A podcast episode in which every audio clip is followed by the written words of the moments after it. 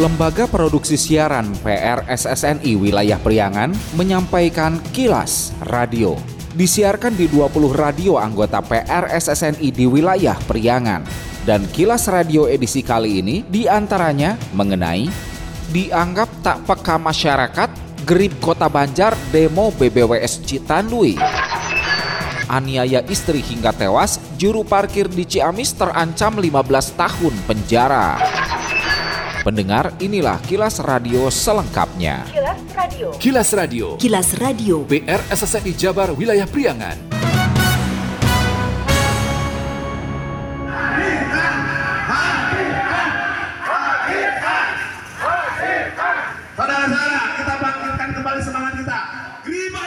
Ratusan masa yang mengatasnamakan Gerakan Rakyat Indonesia Bersatu, Grib Jaya, Kota Banjar melakukan aksi demonstrasi di kantor Balai Besar Wilayah Sungai BBWS Citanui di Kota Banjar Kamis 14 September. Aksi masa Grib Jaya Kota Banjar terlihat ricuh dengan adanya aksi saling dorong dengan petugas keamanan dari Polres Banjar di mana masa memaksa masuk ke kawasan perkantoran BBWS Citandui. Akhirnya, mereka berhasil menerobos masuk dan melakukan orasi di halaman parkir perkantoran. Dalam orasinya, masa menuntut kehadiran Kepala BBWS Citandui Hendra Ahyadi di hadapan masa serta menerima langsung aspirasi yang disampaikan masa Grib Jaya Kota Banjar. Masa menolak kehadiran perwakilan Kepala BBWS yang seperti disampaikan Humas BBWS Rahmat yang menyebutkan Kepala Balai sedang ada tugas di Jakarta. Aksi masa sempat memanas dan kemudian memaksa untuk menghadirkan juga dari pemenang tender pekerjaan pembangunan peningkatan gedung BBWS Citandui yang bernilai 33,9 miliar rupiah yang dikerjakan PT Pulau Bintan Bestari asal Riau. Menurut koordinator lapangan yang sekaligus sekretaris DPC Grib Jaya Kota Banjar, Rian R. Mustopa mengatakan pihaknya melihat BBWS Citandui tidak responsif terhadap tuntutan dalam hal pelibatan kuota lokal atau putra daerah dalam keikutsertaan setiap ada proyek pekerjaan pembangunan yang dilaksanakan oleh BBWS Citandui. Menurutnya, adanya BBWS Citandui di Kota Banjar harus dirasakan oleh masyarakat Kota Banjar khususnya dan umumnya wilayah aliran Sungai Citandui terutama masyarakat para pengguna air. Ditegaskan pihaknya menuntut ingin memastikan setiap infrastruktur yang berada di wilayah BBWS Citandui itu berjalan sesuai dengan fungsi serta pihak BBWS Citandui berusaha memperbaiki kegagalan fungsi itu. Ia juga berharap unjuk rasa bisa menggugah masyarakat Kota Banjar khususnya untuk lebih peduli terhadap fungsi air dan seluruh sarana dan prasarana serta bagi pihak BBWS Citandui selaku kuasa pengguna anggaran untuk lebih berhati-hati menggunakan penyedia jasa karena selama ini penyedia jasa banyak dari luar Kota Banjar.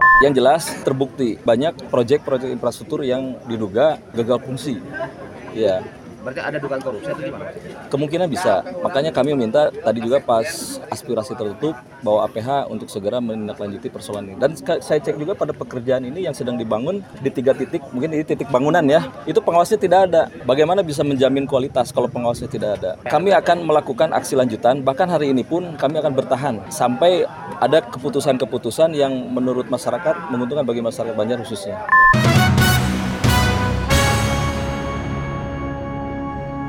Asep Malik alias Opin, 51 tahun, juru parkir di Kabupaten Ciamis yang tega menganiaya istri sirinya, Teti Wariati, 46 tahun hingga tewas, ditetapkan sebagai tersangka kasus kekerasan dalam rumah tangga KDRT dengan ancaman hukuman 15 tahun penjara. Kematian Teti ternyata menyimpan tanda tanya bagi warga sekitar rumah korban di Imban Negara Ciamis. Ternyata Opin, si pelaku, suami korban, dikenal baik terhadap tetangganya bahkan dikenal someah dan suka menyapa. Tersangka tak pernah membentak atau marah pada orang lain, tapi justru kemarahannya pada istrinya sendiri. Namun semua itu hanya kedok semata untuk menutupi sifat aslinya yaitu temperamental dan suka main kasar. Kapolres Ciamis AKBP Tony Prasetyo Yudangkoro menjelaskan pelaku menganiaya korban di rumah kontrakannya Minggu 10 September lalu. Petugas lakukan rangkaian penyelidikan dan penyidikan intensif dan terungkap terjadi KDRT hingga menyebabkan korban tewas setelah Polres Ciamis menggelar rekonstruksi dan rangkaian rangkaian gelar perkara. Menurut Tony, kronologi bermula Sabtu 9 September terjadi pertengkaran berujung tersangka menganiaya dengan memukul dan membenturkan kepala korban ke tembok rumah kontrakan. Akibatnya, korban tak sadarkan diri. Kapolres menambahkan Minggu 10 September pagi, pelaku Opin meminta ketua rukun tetangga RT membantu memandikan jasad korban dan menyebut korban Teti terjatuh di kamar mandi karena menderita hipertensi dan asam urat. Namun karena banyak luka-luka lebam, keluarga korban dan warga pun curiga dan mendatangkan tenaga medis untuk memeriksa kondisi korban yang terlihat memar di bagian tubuhnya hingga dilaporkan ke polisi.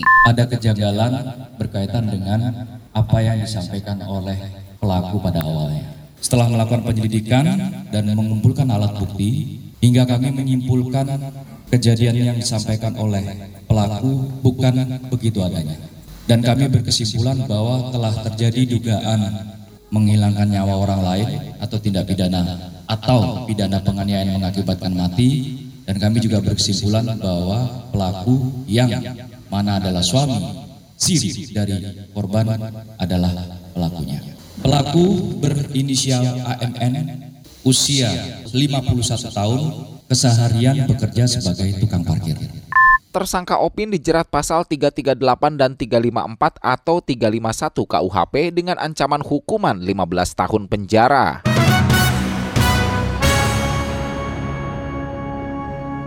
Warga Jalan Muhammad Hatta, Kampung Perintis, Kelurahan Sukamanah, Kecamatan Cipadas, Kota Tasikmalaya, dikagetkan dengan kejadian kecelakaan kerja di penggilingan padi di kawasan itu Kamis 14 September adalah Wawan Saipullah 58 tahun, warga desa Sukaraja, Kecamatan Cisayong, Kabupaten Tasikmalaya, pemilik penggilingan padi yang dikenal baik hati itu meninggal dunia dalam kecelakaan kerja. Warga menemukan korban dalam kondisi tewas karena terlilit roda mesin saat mengoperasikan penggilingan padi miliknya sendiri. Agus Mulyawan, seorang saksi, mengaku pertama kali melihat korban dalam kondisi tubuhnya sudah terlilit di mesin penggilingan padi sekitar jam 1 siang. Menurutnya, korban diketahui masih beraktivitas aktivitas seperti biasa di tempat penggilingan padi pada hari Kamis pagi, namun pada saat siang hari korban tak terlihat. Terungkap setelah itu ada seseorang yang datang ke tempat penggilingan padi untuk mengirim barang dan mencari korban. Melihat ada orang, Agus kemudian menghampiri dan membantu orang itu untuk mencari korban dan diketahui saat dicari ke ruangan mesin korban sudah dalam kondisi meninggal dunia. Kan ada yang ngirim barang, yeah. ngirim barang, cari orang, kebetulan saya pas ada di depan jadi menolong hmm. cari mencari mencari mencari orang tersebut pas ketemu udah dalam keadaan gitu Perwira pengawas Polres Tasikmalaya Kota, Ibtu Nuraini mengatakan korban meninggal dunia saat bekerja di tempat penggilingan padi miliknya sendiri. Saat bekerja, korban hanya seorang diri dan diduga hendak menjalankan karet fan belt ke roda mesin supaya bisa beroperasi menggiling padi. Namun, saat tangannya memasukkan karet fan belt ke roda besi mesin ikut tersangkut dan terlilit bersama seluruh badannya sampai meninggal dunia. Evakuasi jenazah atas terjadinya kecelakaan di penggilingan padi sudah dilaksanakan. Nanti ke depan kita bisa eh, memberikan keterangan yang lebih jelas kepada masyarakat. Ini merupakan kecelakaan kerja. Kalau gambar secara umum, karena memang pengelola gilingan padi ini terbelit oleh panbel, panbel ya, tali tali ini, tali cleaner ya saat sedang bekerja. Kilas Radio. Kilas Radio. Kilas Radio. PR SSNI Jabar Wilayah Priangan diharapkan jangan membakar sampah sembarangan. Nah, ini telah terjadi kebakaran lahan ya. Membuang puntung rokok di area-area yang mudah terpicu untuk terjadi kebakaran. Mari cegah kebakaran, utamanya saat musim kemarau. Hindari membakar sampah di lahan kering, apalagi dekat kawasan hunian atau rumah. Jangan buang puntung rokok yang menyala di sembarang tempat. Matikan puntung rokok dan buang pada tempatnya. Cabut instalasi listrik yang tidak terpakai dan matikan kompor saat rumah tak berpenghuni. Hindari steker listrik yang bertumpuk. Jauhkan lilin, lampu minyak dari benda mudah terbakar. Segera laporkan ke pihak terkait jika terjadi kebakaran di lingkungan kita. Iklan layanan masyarakat ini dipersembahkan oleh Kilas Radio PRSSNI Jabar, Wilayah Priangan. Bila Anda mendapatkan hal-hal atau peristiwa penting untuk diliput oleh tim Kilas Radio, hubungi hotline servis kami, SMS atau WA ke nomor 0813 2424 5911 0813 2424 5911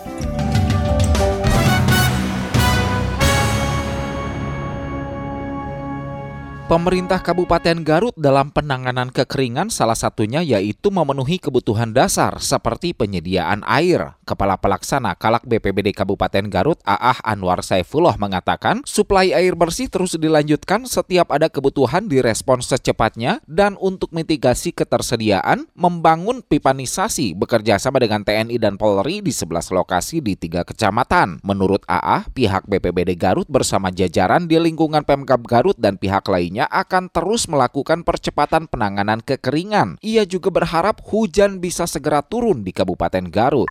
Kebutuhan dasar minum dan rumah tangga ya fokus di sana. Suplai air bersih kita sudah lanjut ya terus setiap ada kebutuhan kita respon secepatnya dan untuk mitigasi ketersediaan kita membangun pipanisasi kerjasama dengan TNI dan Polri di 11 lokasi di tiga kecamatan. Ini kita tetap harus eksis dan tetap melakukan percepatan agar waktu sisa kita punya 10 hari lagi kita bisa selesai semuanya dan mudah-mudahan seiring dengan cuaca ya kekeringan ini mudah-mudahan secepatnya hujan sehingga ini bisa selesai gitu, solusinya.